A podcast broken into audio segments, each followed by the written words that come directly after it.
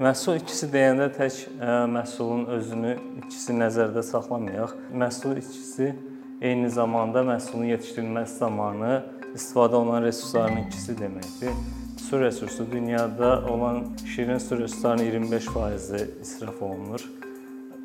İsraf olunan məhsulların istehsalında Çinin ərazisi qədər bir əraziyə ehtiyac var və o qədər ərazi israf olunur.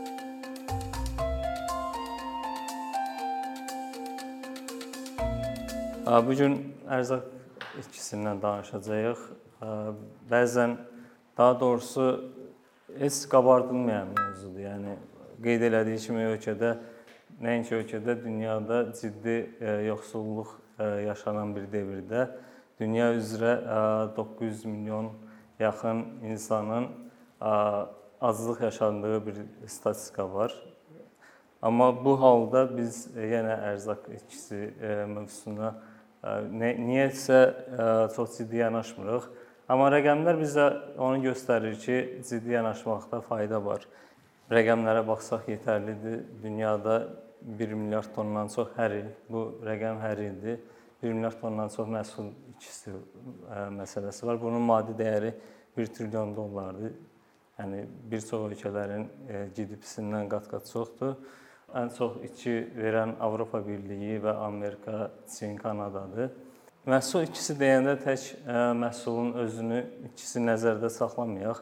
Məhsul itkisi eyni zamanda məhsulun yetişdirilməsi zamanı istifadə olunan resursların itkisi deməkdir. Su resursu dünyada olan şirin su resurslarının 25%-i israf olunur.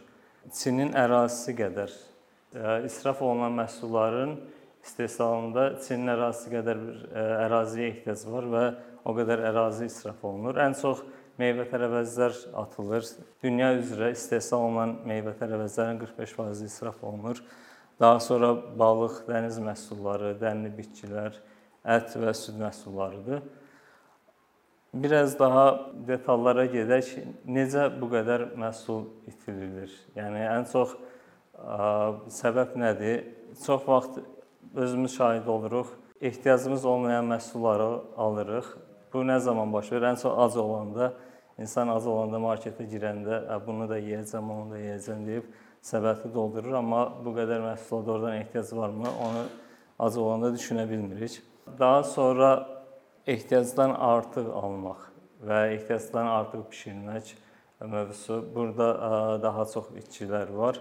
Saxlanma şəraitindən bağlı itkilər daha çox saxlanma şəraitinin normal tənzimlənməməsinə görə olur. Ondan sonra daşınma zamanı ciddi itkilər var. Qidanın, ərzaqın A nöqtəsindən sahədən anbarlara, anbarlardan marketlərə, marketlərdən evlərimizə daşınma prosesində ciddi itkilər olur. Sonra məhsul yetişdirilməsi dövründə ciddi itkilər var. Doğru şəkildə yetişdirə bilmirik. Yetişdirilən zaman qaydalara riayət edə bilmədiyimiz üçün itkilər baş verir. Məhsul yığımı zamanı itkilər var. Texnologiyalardan, modern texnologiyalardan istifadə eləmirik. Bu tək Azərbaycanla bağlı deyil, bütün dünyanın problemidir. Bundan başqa məhsulun görünüşünə verilən dəyərə görə itki var. Məsəl üçün Amerika marketlərində 40%-dən çox məhsul sırf istifadəçinin, vətəndaşın xoşuna gəlmədiyi üçün rəflərdən atılmalı olur. Avropada təxmini 40-50% dənizlərdə tutulan balıqlar marketin tələblərinə uyğun olmadığı üçün atılır. Bunun ətraf mühit, ərzaq itkisinin ətraf mühit problemləri nələrdir? Yəni biz iş olaraq məsəl üçün bazardan aldığımız almanın hər hansı bir tərəvəzin çölə atılmasında sadəcə meyvə-tərəvəzin atılması kimi görə bilərik, amma bu təkcə meyvə-tərəvəzi məhsulun çölə atılması demək deyil. Eyni zamanda həmin məhsulların atılan atılan məhsulların təbiətə verdiyi ziyanlar var. Dünya üzrə ümumi atılan məhsullar dünyada bir çox milyonlarla maşınların çölə atdıqları karbon dioksid qazından daha çoxdur. Yəni məsəl üçün aviasiyada təbiətin çirklənməsində rolu çox böyükdür. Amma qida itkisi zamanı orada karbon qazı istifadə atqısı aviasiyadan 4 qat daha çoxdur, yəni dünya üzrə. ciddi içkilər deməkdir. Dünyada dediyim kimi az öncə dediyim kimi su resurslarının 25%-ni, içməli su resurslarının 25%-ni biz qida israfı zamanı həm, həm də su resurslarını israf eləyirik. Eyni zamanda təbiətə necə ziyan vururuq? Az öncə qeyd olunduğu kimi dünyada ciddi aclıq var. Təxminən 900 milyona yaxın az insan var FAO-nun statistikasına görə. Amma bütün dünyanı narahat edən bir məsələ var ki, 2030-cu ildə ekstra 2 milyard daha 2050-ci ildə ekstra 2 milyard daha əhali olacaq. Bunları necə qidalandıra biləcəyik? Halbuki israf olunan məhsulların sadəcə olaraq 4də birini biz qənaət edə bilsək, dünyada bütün aclıq ac olan insanları doyuzdura bilərik. Yəni dünyada o qədər yetərli qədər məhsul var. Amma normal tənzimlənmədiyi üçün bu gün məsəl üçün bəzi ölkələrdə meşə sahələrinin qırılıb yerinə bir əkinlərin əkilməsi mövzusu var. Elə düşünürlər ki, ölkədə yetərli qədər ərzaq yoxdur. Məcbur bunun qarşısını almaq üçün meşələrin, otlaqların məhv olunması məsələsi var. Ətraf mühit çirklənməsi ərzaq ərzaq israfında bunlar nəticəsi bunlardan ibarətdir. Su resurslarının qurudulması var, su resurslarının davamlı istifadəsi var. Sonra iqtisadi, sosial problemləri nələrdir? Qeyd elədiyim kimi dünyada itirilən ərzaqların ümumi dəyəri 1.2 trilyon dollardır və dünyada 900 milyona yaxın az insanın olduğu halda biz 1 trilyondan ton, 1 trilyon tondan daha çox ərzaq ikisinə yol veririk. Bu sosial məsələ məsələ üçün fərqlidir. Amerikada ərzaq itkisi və Asiya ölkələrində ərzaq itkisi tam fərqlidir. Amerikada ərzaq itkisi 40% marketlərdə, evlərdə olur. Azərbaycan kimi və digər Asiya ölkələrində bu evlərə çatana qədər baş verir. Bu nəqliyyatın normal tənzimlənməməsi, temperatur sisteminin marketlərdə və ya rəflərdə doğru qurulmaması və doğru əkin biçiminin olmamasından əmələ gəlir. Bu adicə gör yaşıl sahə görürsüz. Hər kəsə maraqlı ola bilər ki, burada itki nədən baş verir? Şəkil 2019-cu ildə Şəmkirdə bir təsərrüfatların birində çəkmişəm. Əvvəl işlədiyim iş yerlərindən birində idi. Bizə bir Ukraynadan qonaq gəlmişdi. Sahələrimizi gəzdirirdik. Oktyabr ayının 19-unda çəkilən şəkildir. Qonaq şoka düşür ki, bu ə, hansı texnologiyadır, nədən istifadə edirsiniz? Bu dövrdə sahədə soya ola bilməz.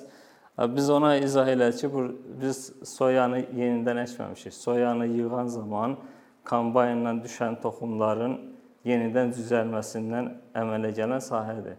Sahə elə görünür ki, sanki belə deyək, toxumun yeni səpmisən, üstündən su varma sistemlərindən istifadə etmisən. Bu bütün dünyada ərzaq e, belə deyək, ərzaqın yetişdiyi ilk sahələrdir. Fermerlərin e, fermerlərdən gəlir.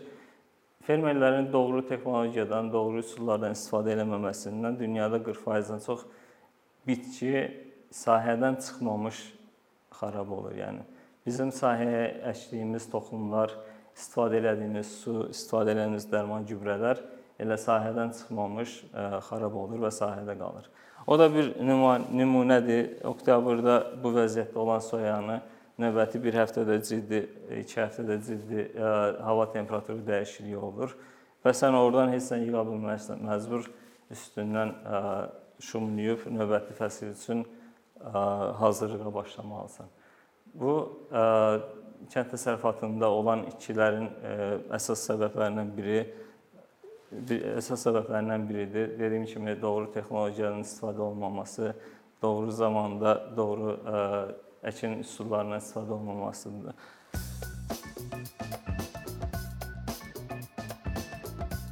Bir neçə ildir ki, əkinçi olaraq Azərbaycanlı izləyicilərin hər zaman faydalana biləcəyi keyfiyyətli və ən əsas ödənişsiz kontent hazırlamağa çalışırıq. İndiyədək təqdim etdiyimiz onlarla animasiya və yüzlərlə çəkilişlər tələbələrin, mütəxəssislərin, müəllimlərin və ümumiyyətlə yeni mövzulardan xəbərdar olmaq istəyən çox sayda insanın marağına səbəb olub. Bu illər ərzində hazırladığımız videolar təhsil, texnologiya, ictimai fəallıq, iqtisadiyyat, gender bərabərliyi, ətraf mühit, ifadə istifadə azadlığı, hüquq, demokratik inkişaf, mədəniyyət və digər mövzuları əhatə edib. Məqsədimiz çoxlu baxış gətirən deyil, çoxlu fayda gətirən videolar hazırlamaqdır. Amma bu düşündüyümüz qədər asan deyilmiş. Gördüyümüz iş kifayət qədər resurs, əmək və təbii ki, davamlılıq tələb edir. Bu səbəbdən Patreon platformasından istifadəyə başladıq. Əkinçinin Patreon hesabının populyarlaşmasına çox böyük ümidlərimiz və gözləntilərimiz var.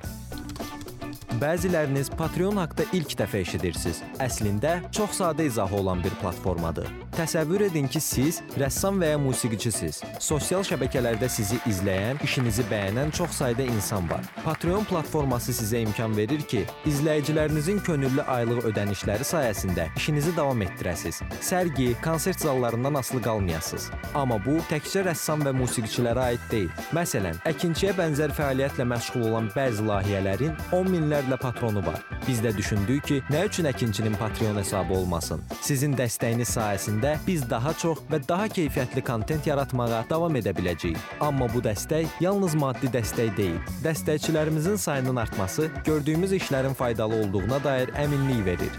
Patreon platformasından istifadə çox sadədir. Hesabınızı açırsınız, sizə uyğun dəstək növünü seçirsiniz və Patreon özü hər ayın ilk günü kartınızdan seçdiyiniz dəstək növünə uyğun ödəniş tutur. Bu qədər. Sonda onu demək istəyirik ki, dəstəkçilərin sırasına qoşulmaq istəyən, amma məhdud imkana görə bunu edə bilməyənlər narahat olmasın. Daha öncə dediyimiz kimi, bizim əsas məqsədimiz daha çox insanın hər zaman faydalana biləcəyi keyfiyyətli və ödənişsiz kontentin yaradılmasıdır.